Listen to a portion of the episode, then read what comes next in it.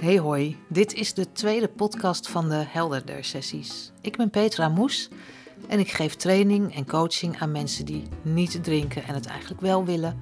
En aan mensen die wel drinken en dat liever soms misschien toch wel eventueel niet zouden willen. Alcohol, daar heb ik het dan over. De Helderder sessies zijn bijeenkomsten voor mensen die niet drinken. En dat kan zijn dat ze nog maar net gestopt zijn of misschien al heel erg lang geleden.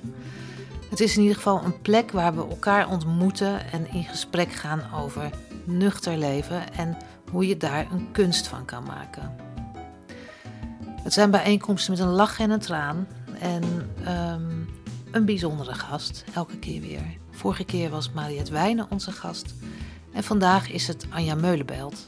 Anja stopte zes jaar geleden met alcohol drinken en ze is er sinds die tijd behoorlijk open over geweest. Ze noemde zichzelf de blije geheelonthouder, schreef blogs daarover en heeft ook veel mensen geïnspireerd om de stap naar alcoholvrij leven te zetten.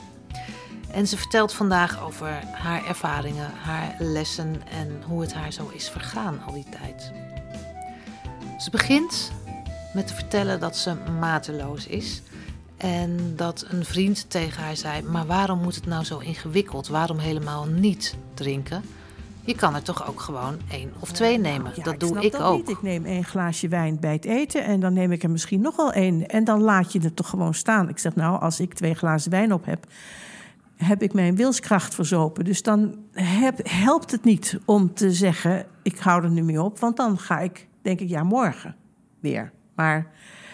Dus eh, dat heb ik gewoon moeten toegeven. Ik ben gewoon iemand die dat niet in zich heeft. En dat zal ook hoogstwaarschijnlijk nooit meer gebeuren. Dus um, zo is het. Dat is het dus. En op een gegeven moment dacht ik dat gemodder. Ik ben er eigenlijk meer mee bezig met wel en niet drinken door het proberen te matigen. Dan dat ik maar gewoon de fles opentrek en maar gewoon doe waar ik zin in heb. Want, en dat zat mij eigenlijk, het hinderde me. Want ik had bijna, bijna elke dag het gevoel dat ik tekort schoot. En dat is een vervelend gevoel. Nou, bij vervelende gevoelen weet ik wel wat daartegen helpt. Dus dat, uh, dat hielp dus ook niet. Dus um, iedereen, denk ik, die besloten heeft of bezig is te besluiten om mee op te houden, heeft een punt waarop je denkt: ik vind dit niet leuk meer. Het kan van alles wezen, gezondheid, je relatie, uh, uh, iemand in je omgeving die het opmerkt dat je wel veel drinkt. Dat heb ik ook lang geprobeerd om dat niet te zien, dat mensen dat wel toch wel een beetje zagen. Omdat ik typisch mijzelf iemand vond die, als ik maar mijn dagelijkse onderhoudsbeurt uh, had, dan, dan ik functioneerde geweldig. Ik vond mijzelf helemaal geen alcoholist. die paar keer in mijn leven dat ik echt dacht, ja, dat was wel dronken. Schaamde ik mij ook diep over. Maar over het algemeen dacht ik, nou, niemand heeft er last van. Ik ook niet. Dus waar zou ik me druk over maken? Um, bij mij is het moment gekomen. Ik had toch al een tijd wel het gevoel van: het is wel een gewoonte van elke dag geworden. En ik sla geen dag meer over. Ik heb er ook geen zin in om over te slaan. Dus dat vond ik toch wel een beetje bezwaarlijk worden. Maar ik had weer eens in mijn leven een flinke crisis. Dat heb ik om de zoveel jaar. Even afkloppen, al een tijdje niet meer. En ik heb een crisis als bij mij alles in één keer misgaat. Uh, dus dat het met de liefde niet goed zit. Ik was net gescheiden. Uh, ik woonde in een huis met een veel te hoge huur in Amsterdam, omdat dat bedoeld was voor twee mensen en ik kon het in mijn eentje nauwelijks meer opbrengen. Ik was inmiddels gepensioneerd, AOW, nooit goed voor mijn pensioen gezorgd. Ik dacht, hindert niet, ik schrijf. Want als mensen zeggen, ik heb je boek gelezen, is leuk, dan vraag ik niet welke van de 46. Uh, want ik schrijf maar door. En ik dacht, nou ja, ik kan altijd mijn geld wel verdienen met schrijven. Nou, dat viel dus ook tegen, want voor het eerst van mijn leven kon ik voor een boek wat ik net had geschreven geen uitgever vinden. Dat was dus ook een crisis. Want ik dacht, wie ben ik dan nog? Ben ik al te oud? Tel ik niet meer mee?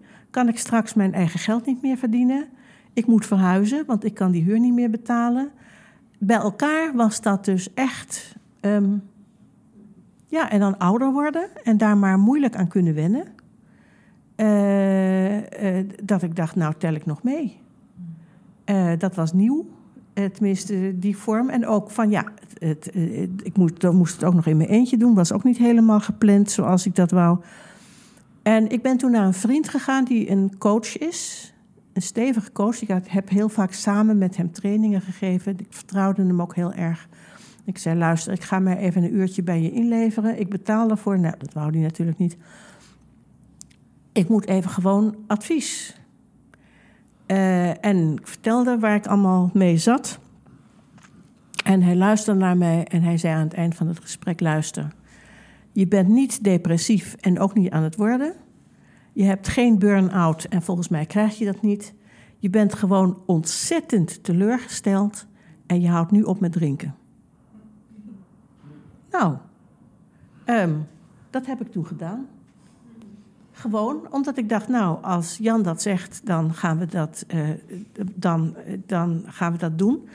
En het was ook voor mij wel duidelijk. Ik wist wel dat als het slecht met mij ging, dat je dan de, de tijd waarop je begon met de fles open te trekken. Uh, als ik toch niet kon schrijven en als toch niemand wou lezen wat ik schreef, dan kon ik net zo goed niet wachten tot het vier uur was. Snap je? Dus dat zag ik mezelf wel doen.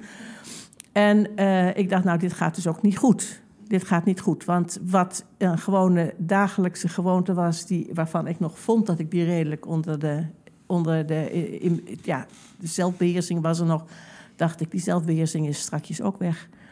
En dit wordt, uh, het wordt te gek. En bovendien snapte ik nog wel met het deel van mijn hersens dat helder is. En dat deel van je hersens waarmee je naar jezelf kunt kijken en denkt: wat ben ik nou toch eigenlijk aan het doen? Wil ik dit wel?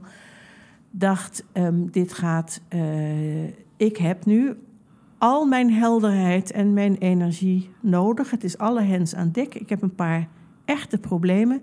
Die moet ik gaan oplossen. En het helpt niet als ik te veel drink. Integendeel, ik heb nu gewoon kwestie van alle hens aan dek. Um, ik heb mijn energie nodig. Ik moet kunnen nadenken. Nou, dat was ik ben toen meteen naar de cursus gegaan, die toen nog een, een, een, eh, twee dagen weekend en nog een terugkomdag. Ik dacht, ik hoop dat ze mij een paar trucs leren, waardoor ik nog een beetje gecontroleerd wel kan drinken. Nou, dat was natuurlijk heel snel bekeken dat dat er niet in zat. Maar lief als ze zijn, zeggen ze niet van tevoren: jij gaat weg en dan heb je besloten dat je ermee ophoudt. Maar dat was wel wat er gebeurde. Ik dacht, nou, laat ik mijzelf nou gewoon een lol doen en gewoon punt ophouden. Het gekke was dat op zichzelf het ophouden mij heel weinig moeite heeft gekost. Want ik werd er. Kijk, je hebt soorten hoor. Er zijn mensen die krijgen ontwenningsverschijnselen. Die had ik niet.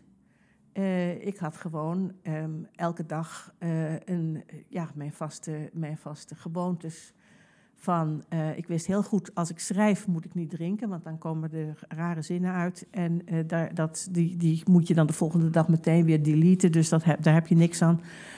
Dus ik ging meestal, werkte door tot een uur of vier en dan was ik klaar en dan mocht de fles wijn open. En dan nam ik een glaasje en die was altijd heerlijk, het eerste glaasje na een dag hard werken. En dan nam ik er nog eentje en dan ging er een glaasje mee naar de keuken als ik ging koken. En dan ging er natuurlijk nog een glaasje bij het eten. En dan moest de fles natuurlijk nog even leeg. En als het echt een leuke dag was, ging er nog een fles open. Maar die maakte ik dan niet meer op, want ik had wel altijd een soort grens, vond ik. Ik viel in slaap. Ik heb op een van de cursussen die we toen gedaan hebben ook de grap gehad. Ik zei, we hadden toen over wat we allemaal voor rare dingen konden doen als we toch een beetje onder de invloed waren. En dan kon je met elkaar, je kan met mensen die gedronken hebben erg lachen. Dat is, dat is, hè, dat want er zit natuurlijk iets van schaamte op. En, maar we doen soms echt rare dingen. En ik zei, nou weet je, ik ga voor jullie eens een keertje, en heb nooit gedaan, maar vond een leuk idee, een zondag organiseren.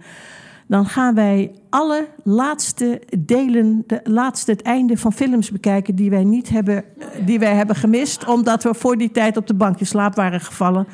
Dus het aantal films waarvan ik niet weet hoe ze afliepen, dat, dat deelde ik wel met wat mensen. Dus laten we dat eens doen. Hebben we niet gedaan, maar het was wel, was wel lachen. Nou, ik ben er dus gewoon mee opgehouden. Mijn eerste beloning was dat ik me gewoon ook echt frisser voelde.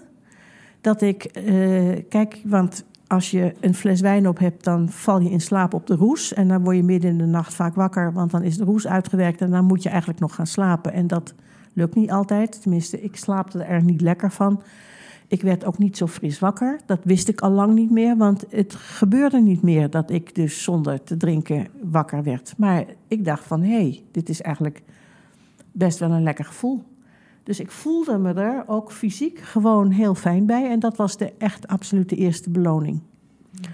Nou, wat, wat ik verder wel merkte is, uh, ook na zes jaar zijn er momenten dat ik het hartstikke mis. Dat zal ook nooit meer overgaan, denk ik. Er zijn momenten dat het er vroeger zo bij hoorde. Van even wat vieren, uh, uh, hebben het heel iets spannends hebben gedaan en jezelf willen belonen. Er zijn momenten die erom vragen. Dus als je een winterwandeling hebt gemaakt, je komt ergens aanzetten met zo'n uitspanning met, met van die kleedjes op de tafel. En je bestelt een portie bitterballen, ja, dan wil ik daar een korenwijntje bij.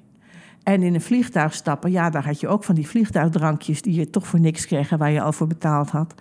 En uh, als je ergens bent waar, waar dus leuke mevrouwen en meneren met zo'n blad met gratis glazen rondloopt, vind ik ook nogal moeilijk om dan niet gewoon zo, zo'n glas van dat. Hè. Dus er zijn nog steeds momenten. Uit eten gaan vind ik toch maar half zo leuk uh, als ik het vroeger vond. Want eigenlijk ging ik toch meer voor de fles wijn dan voor dat hapje erbij.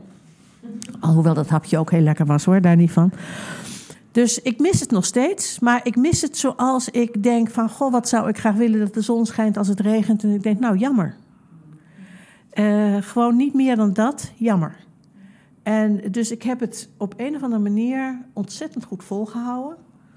Ik heb één keer gedacht, ik gewoon als, uh, als um, mezelf even op de proef stellen. Ik dacht, ik zat nog een, ik, mijn vrienden kunnen bij mij rustig een glaasje wijn krijgen. Ik heb flessen in de kast en ik raak ze niet aan.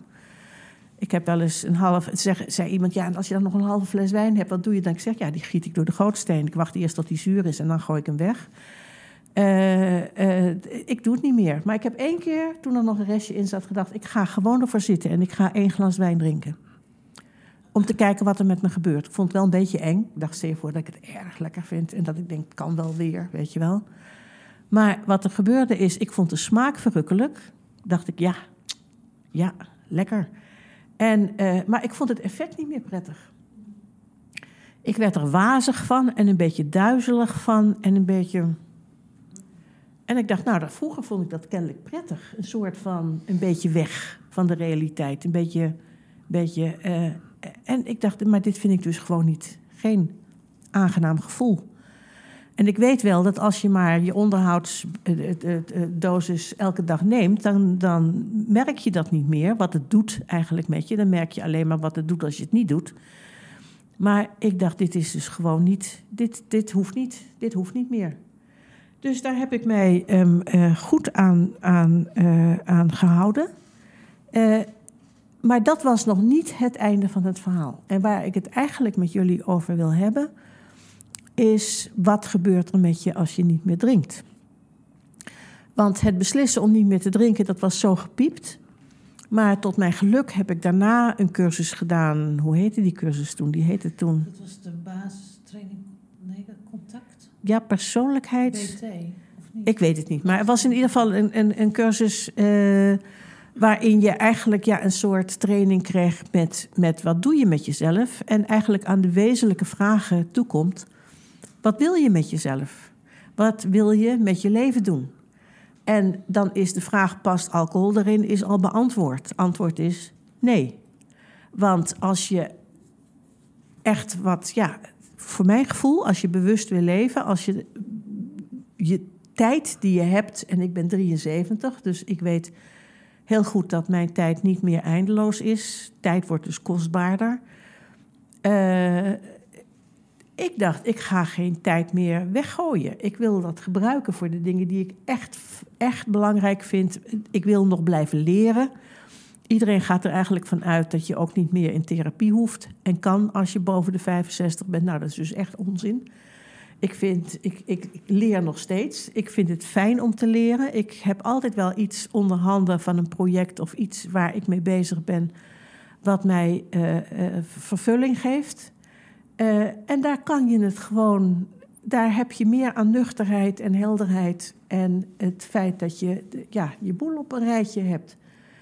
Dat is de ene kant van het verhaal. De andere kant van het verhaal is dat het voor mij ook wel behoorlijk confronterend was. Hoe ik mijzelf tegenkwam als ik niet dronk. Waar ik dus achter kwam, is als je niet drinkt, dan vooral in het begin, feilloos kom je de momenten tegen dat je denkt: nu, nu, nu wil ik. Nu, nu moet er even een fles open. Nu moet er gewoon niks aan te doen. We gaan nu even. En dan niet doen. Dat, dat vond ik zeker in het begin niet altijd makkelijk. En uh, ik heb over mezelf gewoon een paar ontdekkingen gemaakt die ik niet gemaakt zou hebben als ik op die momenten de verdoving in was gedoken. Want kijk, ja, alcohol is een fantastisch middel. Je kunt er van alles mee bestrijden. Uh, en dat is nou juist het punt. En dat is niet voor iedereen hetzelfde. Van, um, als je aan iemand vraagt waarom drink je eigenlijk? Nou, wie denkt erover na waarom je drinkt? Je doet het gewoon. Het moment dat je ermee ophoudt, word je ermee geconfronteerd. Wat er met je gebeurt als je op bepaalde momenten niet drinkt en denkt: ja, als ik niet deze beslissing had genomen, zou ik nu absoluut een fles wijn opentrekken of een whiskietje nemen of even het café induiken of eh, zeggen schenk mij nog even bij. En dat was niet alleen maar leuk. Want uh, het, eerlijk gezegd, we drinken niet voor niks. Voor zover we drinken en we dronken niet voor niks. Uh, er, was, er waren goede redenen voor. Het is inderdaad een heel erg speciaal middel. Wat je tegen heel veel onaangename gevoelens kunt gebruiken. En ik kwam mij dus tegen met tamelijk veel onaangename gevoelens.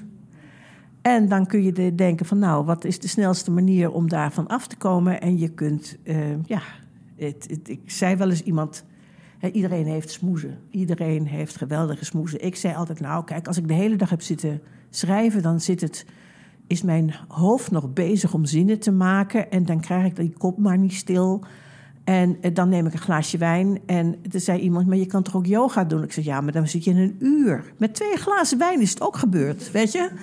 Uh, met twee glazen wijn riep ik altijd, ben ik lief en dom. En is dat gedenk daarboven is afgelopen. En, uh, uh, dus ik moest gewoon het, mezelf tegenkomen zonder verdoving. Ik vond dat confronterend. Ik was ook heel blij met die cursus, want dat was ook een plek waar ik daar terecht kon met van wat gebeurt er met me. Je kunt er van alles. Ja, ik kwam oud zeer tegen, waar ik gewoon maar liever me niet bezig mee hield.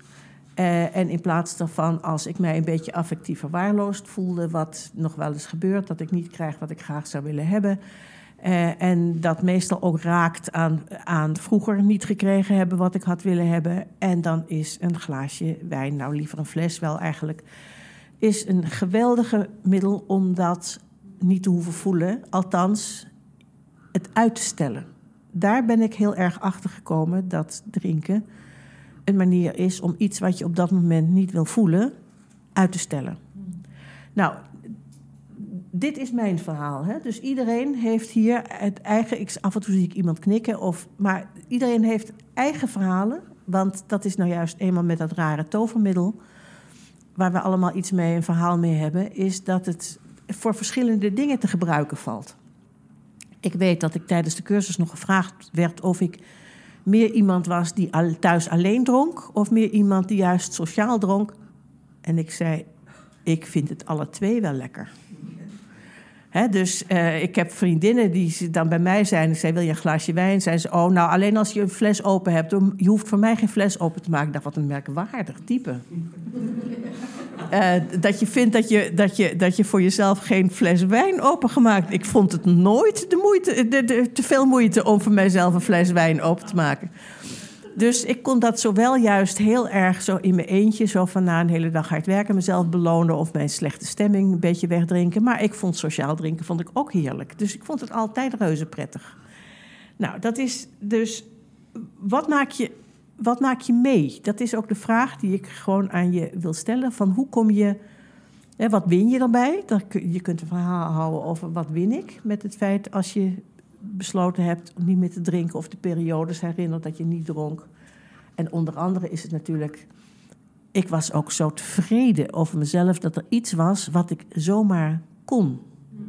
Het, ik heb nog steeds, als iets is wat mij nu tegenhoudt, is dat ik denk: ik heb het zes jaar volgehouden om niet te drinken. Wat zonde zou het zijn om dat fijne gevoel van eigenwaarde dat ik eraan over heb gehouden, zomaar weg te gooien of vanwege iets waarvan ik eigenlijk al weet dat dat hoogstens tijdelijk wat plezier geeft. En um, nou, om een voorbeeld te geven, het, is een raar voorbeeld. Um, uh, ik heb altijd poezen in mijn leven. Het zijn er altijd twee. De ene is dan oud en de andere is jong. En om de 20 jaar, 15, 20 jaar gaat er zo'n poes dood. Nou, ik ben 73, dus je, ik heb al heel wat poezen naar de poezenhemel ge, uh, gestuurd, geholpen. Nou ja, soms moet je er wat aan doen, dat is vervelend. En um, mijn lievelingspoes, Josephintje, die was hemelen. En ik was zo ongelooflijk verdrietig dat ik echt dacht waarom is deze poes nou zo, ben ik nou zo veel verdrietiger over deze poes dan al die vorige poesen die ook zijn gaan hemelen? En opeens kwam het drongen tot me door. Dit is de eerste poes die ik laat hemelen zonder verdoving. Dus uh, opeens kwam dat poesvormige verdriet. Hè, dat laat een, een, diertje laat ook een, een ruimte achter. Het weg van een dier is ook heel erg weg. Uh, en ik was uh, voor mijn gevoel zo ontroostbaar dat ik dacht van, jeetje, nou, wat zou ik vroeger hebben gedaan? Dempen. En helpt dat? Nee, want er staat voor een poesvormige leegte toch precies zoveel verdriet. Ik was er ook sneller doorheen, merkte ik. Ik bedoel, je, je blijft een diertje missen. Nou, daar weet jij ook alles van. Maar het, dat even dat onstelbare verdriet, dat hield na een tijdje gewoon op. En ik dacht, hé, hey, dit is toch een les. Ik ben er sneller doorheen als ik het aan kan om het gewoon maar te laten komen en te laten zijn wat het is. En dat was dan alleen nog maar een poes. Maar dat gold en geldt nog steeds voor heel veel onaangename uh, gevoelens in mijn leven. Ik voel me gekwetst. Ik voel me onbegrepen.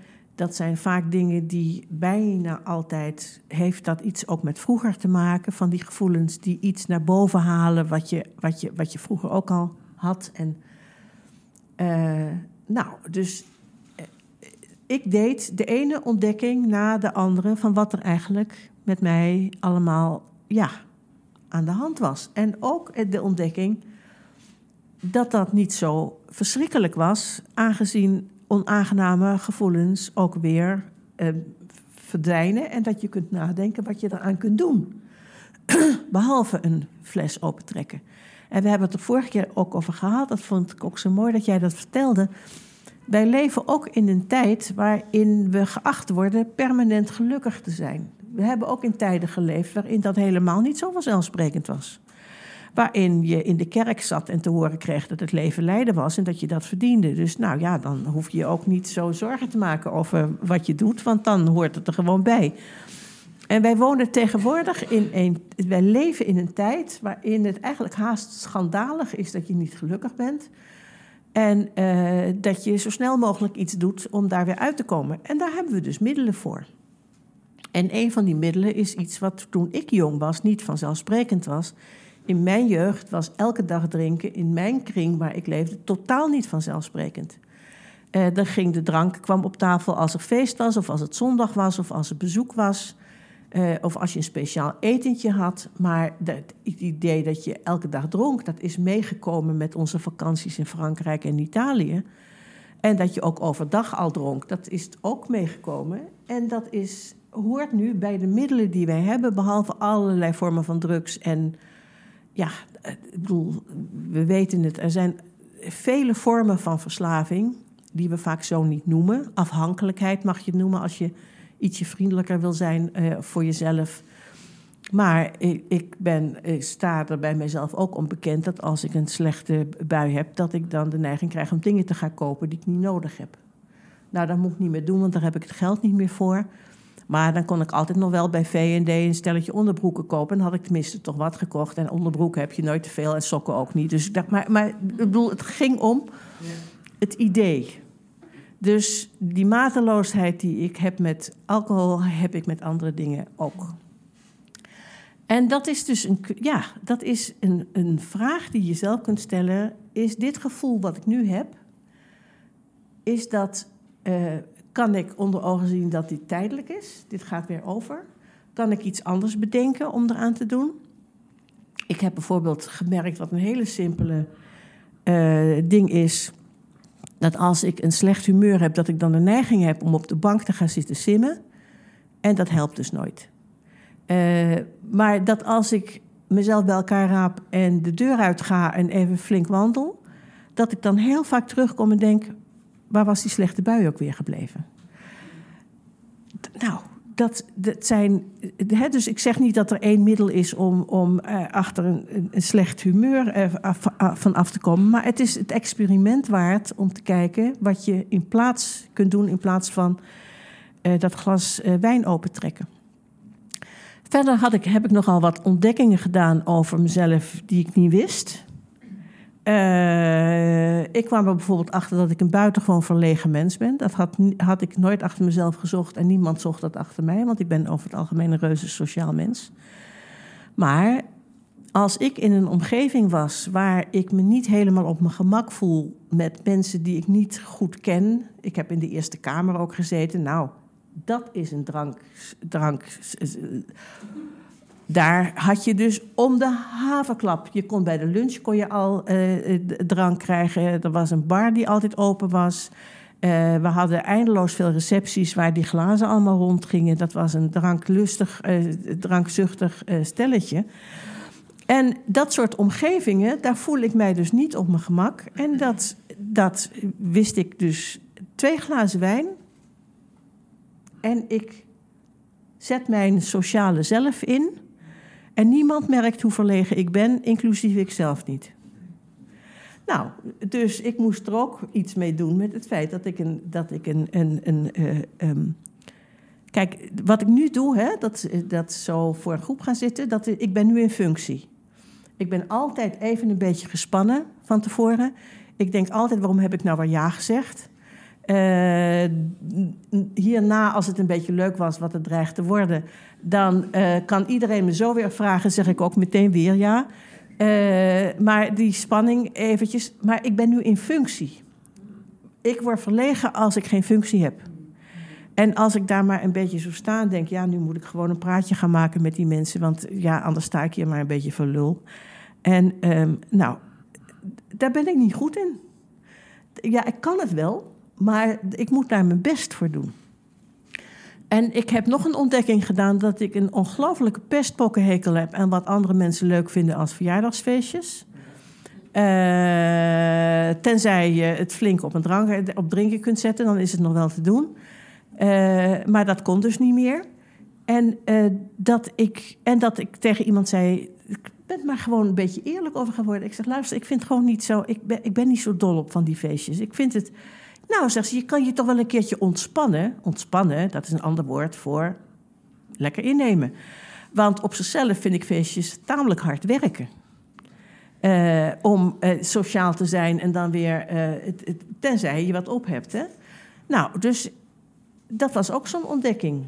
En nou, als je gaat kijken wat win je en wat verlies je. Er zijn situaties waar ik tegenwoordig overweeg om gewoon maar eerlijk te zeggen: vind het niet fijn. Uh, ik ga liever een keertje met jou persoonlijk uit eten. Dan hebben we tenminste een gesprek. Dan dat ik daar zo ja, naast je tantes die ik niet ken moet gaan zitten. En dan. Uh, is een keuze. Maar het punt is, het punt is waar, waarom ik dit vertel, is hoe je jezelf tegen kunt komen. als je dat ene middel wat je gebruikt om dingen niet te hoeven ontdekken, niet meer hebt.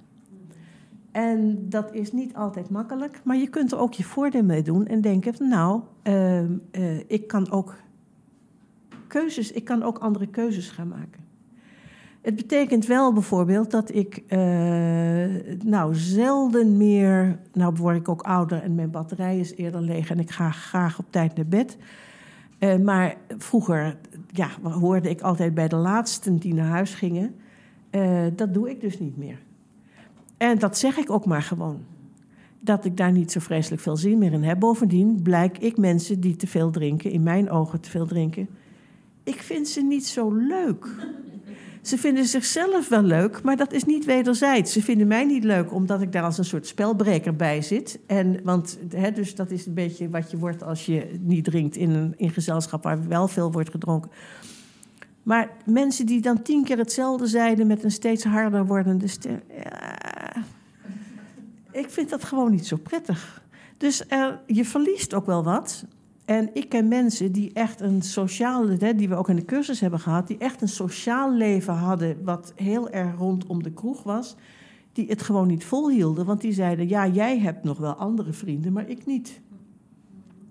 Ik dacht, nou, dus dat is ook wel iets waar sommige mensen mee geconfronteerd worden. Van wat blijft er over van je vriendenkring, van je kennissenkring, van je sociale leven, als je het anders moet in gaat delen.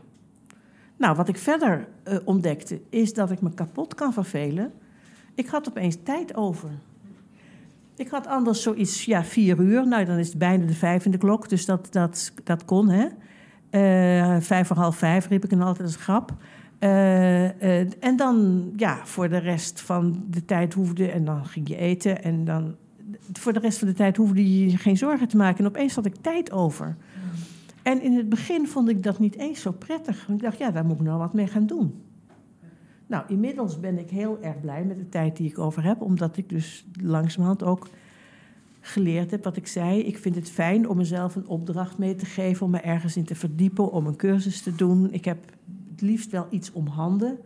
Daar was, ik vond het zo zonde toen ik die cursus gedaan had. Want dan kon ik, ja, dat was dus een hele leuke manier om van sessie na sessie ergens mee bezig te zijn en over, uh, over na te denken. Nou, dat is een beetje wat, wat, wat ik, uh, wat ik uh, meemaak. Wat ik ook meemaak is wat er gebeurt als je er. ik bedoel, ja, ik heb mijn hele leven lang vanaf dat allereerste boek waarvan iedereen zegt dat ze mijn boek hebben gelezen nogal wat taboes doorbroken. En ik dacht, dat gaat goed, dus daar blijf ik gewoon mee doorgaan. En uh, ik vond dit ook een taboe om een beetje te doorbreken. Want ik dacht van, wat zou het mij geholpen hebben... als ik in de tijd dat ik dacht, het valt met mij nog wel mee... is iemand tegen mij... Nou ja, niemand... Nee, dat is niet waar. Als iemand dat tegen mij zei, dan zou ik daar waarschijnlijk niet naar hebben willen luisteren. Maar het zou wel hebben geholpen als mijn soort ervaringen gewoon bespreekbaarder zouden zijn geweest. Wanneer ik zonder me te schamen met andere mensen over had kunnen praten. Ja, ik vind het ook wel een beetje te gek worden dat ik elke dag een fles opentrek. En uh, de reacties, als je het daarover hebt. één reactie is natuurlijk bekend, die zei van nou, als jij vindt dat jij te veel drinkt, ja, en ik dan? Goeie vraag, denk ik dan. Hele goede vraag. Ik ga hem niet beantwoorden, doe je zelf maar. Uh, hè, dus uh, of ik kreeg als reactie: Wij wisten niet dat het zo erg met je was. en ik ben er ook behoorlijk mee. Ge, ge, dus ik, ja, ik, ben een, ik noem mezelf dan een missionaris. Ik, uh, ik, ik ben er meteen openlijk over geworden. Ook wel in de hoop van dat ik het vol zou houden. Want anders moet je weer, moet je weer terugtrekken. Dat is dan zo vervelend.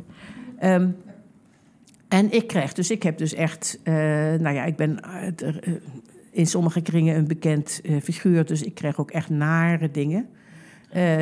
echte haatmail, ook, ook op social media, dat er wordt gezegd, ja, drankorgel meulenbelt. want het moment dat ik dus niet meer dronk, heb ik mijzelf eigenlijk geout als iemand die een alcoholprobleem had. En uh, er is ook een, soort uh, een, een uh, foto van mij met een t-shirt eronder waarop staat: I'm not an alcoholic, I'm a drunk. Alcoholics go to meetings. Dat wordt dus rondgestuurd over mij. Nou ben ik wel het een en ander gewend hoor. Dus, maar het, het, het, het openlijk zijn over de reden waarom je niet meer drinkt, is niet voor iedereen makkelijk Ik begrijp dat dat niet iedereen daar zin in heeft. De andere kant is, hoe meer mensen er wel openlijk over zijn, hoe gewoner het wordt. En ik denk dat heel veel mensen, eh, als je er gewoon over kunt praten, ook het, het idee hebben, ik mag, ik mag ook experimenteren. Ik mag ook gewoon bedenken, ja, misschien zou ik dat ook wel eens willen proberen om niet meer te drinken. En dan te kijken wat er gebeurt. Dus ik weet van jou dat het soms moeilijk is om je cursussen um, te, uh, op de markt te brengen, omdat mensen er lang over doen. Ik heb er lang over gedaan om die beslissing te nemen. Nou ja, en daar hadden we het over. Je kunt wel denken van, had ik dat, jammer, had ik dat niet eerder kunnen doen? Nou, kennelijk niet. Kennelijk was ik er nog niet aan toe. Maar dat het zo toch iets is van, hè, dus één, de angst, mag ik dan echt nooit meer?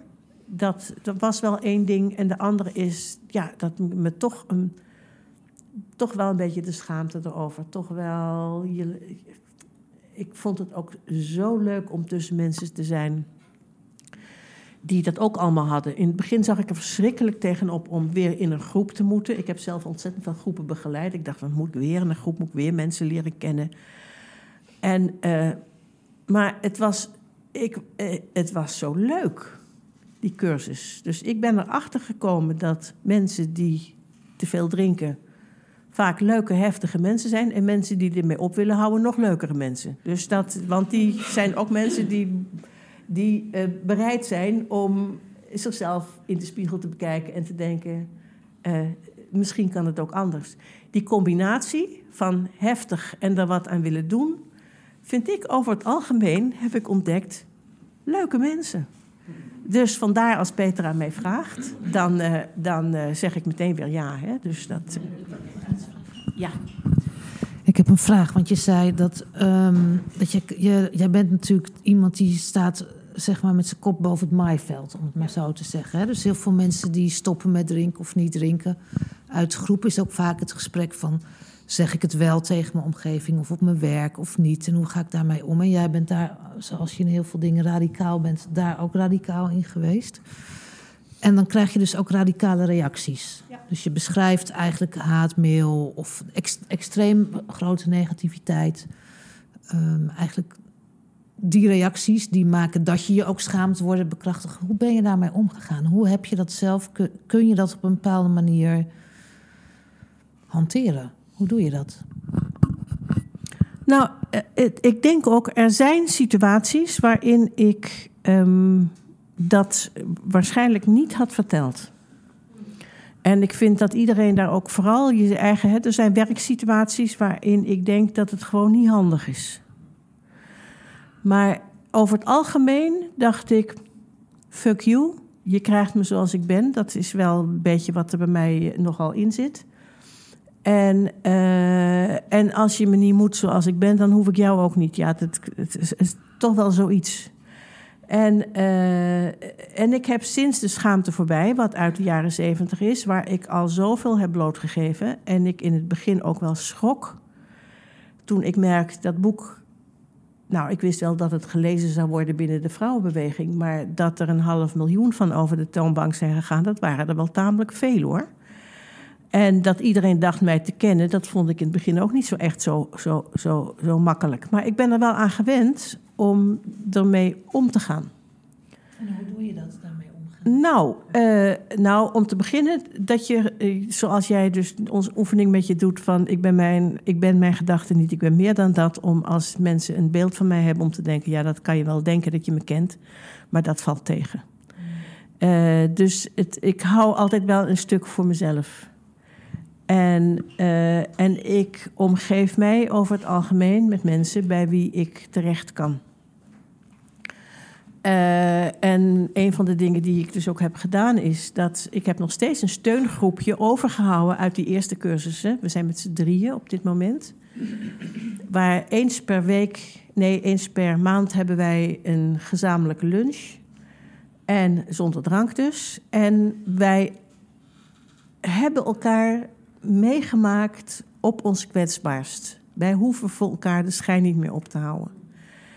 Uh, en wij hoeven voor elkaar niet flink te zijn. Oh, dat is ook nog een ding waar ik achter kwam. Dat ik vond dat ik als oude feministe, als rolmodel ook altijd maar flink moest zijn. Wat ook betekent dat ik ook niet erg geoefend was in het om hulp te vragen. Dat is ook een van die dingen wat ik moest leren.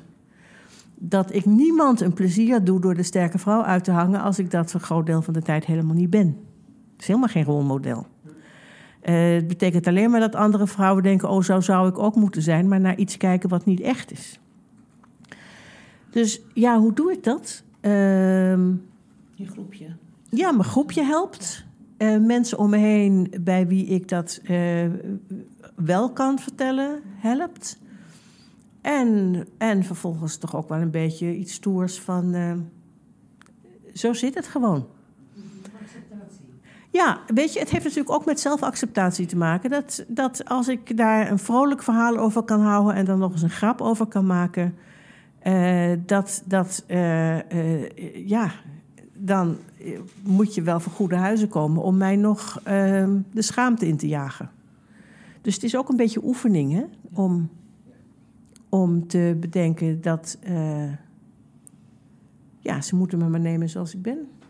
En bovendien kijk ik dan een beetje om me heen en denk ik, nou, er zouden wel meer mensen zijn die er een plezier van zouden hebben als ze die stap zouden nemen. Alleen, ik weet heel goed dat je een, een, een soort morele houding innemen, dat dat absoluut niet helpt. Dus ik zeg er ook altijd bij van ja, ik heb daar geen moreel oordeel over, maar ik zie dat er mensen zijn die daar reuze van op zouden kunnen knappen als ze ermee ophielden. zelf soms zelfs het idee dat als je niet drinkt, dat je niet eens wat hoeft te zeggen om al uh, ja. voor je gevoel een moreel oordeel te ja. Mensen kijken je aan. Zo van, ja. Uh, vind, uh, vind je het erg als ik wat drink? Ja. Nee, natuurlijk niet. Ja, dat is zo. Ja, dan moet ja. je wel zeggen alweer, ga je gang alsof het in jouw handen ligt. Van, ja. Ja, nee, je hebt je helemaal gelijk in. Dat had ik als feministe natuurlijk ook al. Want ik hoefde maar mijn naam te noemen als ik ergens binnenkwam. En, en, en mannen begonnen uit te leggen dat ze ook wel eens de afwas deden. Ik zei, nou, moet ik dankjewel zeggen of doet je vrouw dat? Met, weet je, dat is... Het, uh, dus ik was ook wel gewend, al vroeg uit de jaren zeventig al... om uh, ja, een, een, voor een deel een publiek leven te hebben. Dus dat is wel wat alle mensen met het publiek leven wel iets voor moeten vinden. En ik dacht, nou, weet je wat, nou, ik gebruik mijn publieke leven dus ook voor dingen die ik goed vind. Dat is wat ik doe. Ik neem het ook niemand kwalijk die besluit om het niet te vertellen, omdat ik best weet dat dat uh, niet alleen maar leuke reacties oplevert. Alhoewel het soms ook echt meevalt hoor. Dan, dat, uh... Ja, ja, ja, ja, maar dat zit misschien nog in je eigen oordeel. Het zit natuurlijk mijn. Ik vond mij natuurlijk in de tijd dat ik het zelf niet, in, niet voldoende in handen hield, vond ik mij ook wel behoorlijk een zwakkeling. En ik trok me op aan het feit dat echte alcoholisten echt erger waren dan wat ik meemaakte. Weet je wel, dat is dat ook. Ik ben niet zo erg als het syndroom. Dus uh, dat is ook wat je consequenties krijgt als mensen zeggen: Nou, jij een probleem, ik, volgens mij drink ik meer dan jij. En dan zeg ik maar even niks. Ja.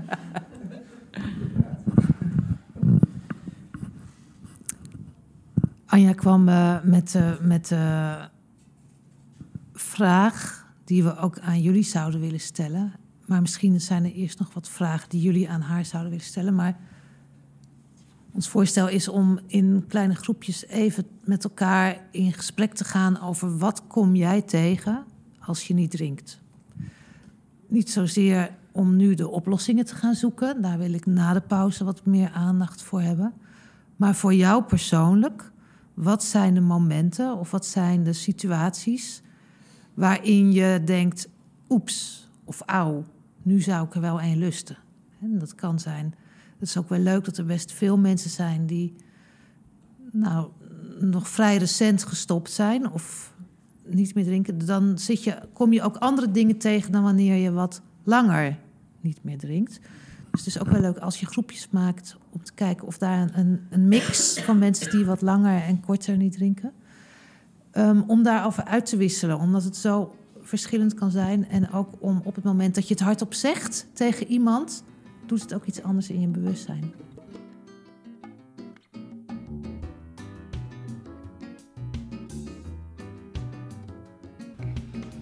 En zo gingen mensen in groepjes in gesprek, groepjes van drie à vier personen. En het was heel verschillend wat eruit kwam en er was ook veel herkenning. Mensen die nog maar kort gestopt zijn, die kampen vaak het meest met gevoelens van verveling of saaiheid. Ook het zoeken naar wat drink ik dan wel. En alles wordt ook saai gevonden.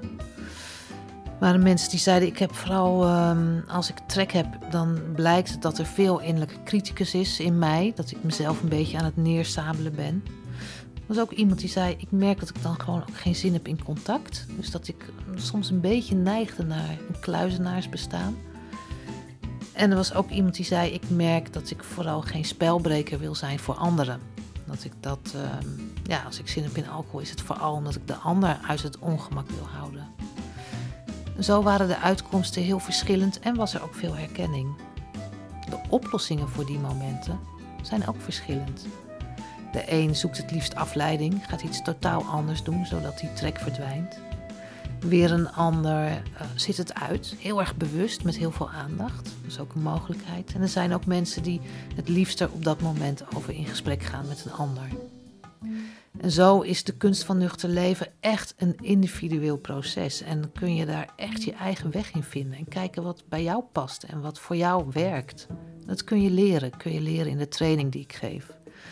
Je kan daar meer informatie over vinden op de website www.petramoes.nl. En ook kun je daar zien wat er in de planning staat voor de volgende helderder sessies. Welke data, welke gasten en je kunt je daarvoor aanmelden. Wees je welkom. Er is niks leukers dan met elkaar een beetje ouwe hoeren over niet drinken. Ik hoop je daar te zien. Hoi.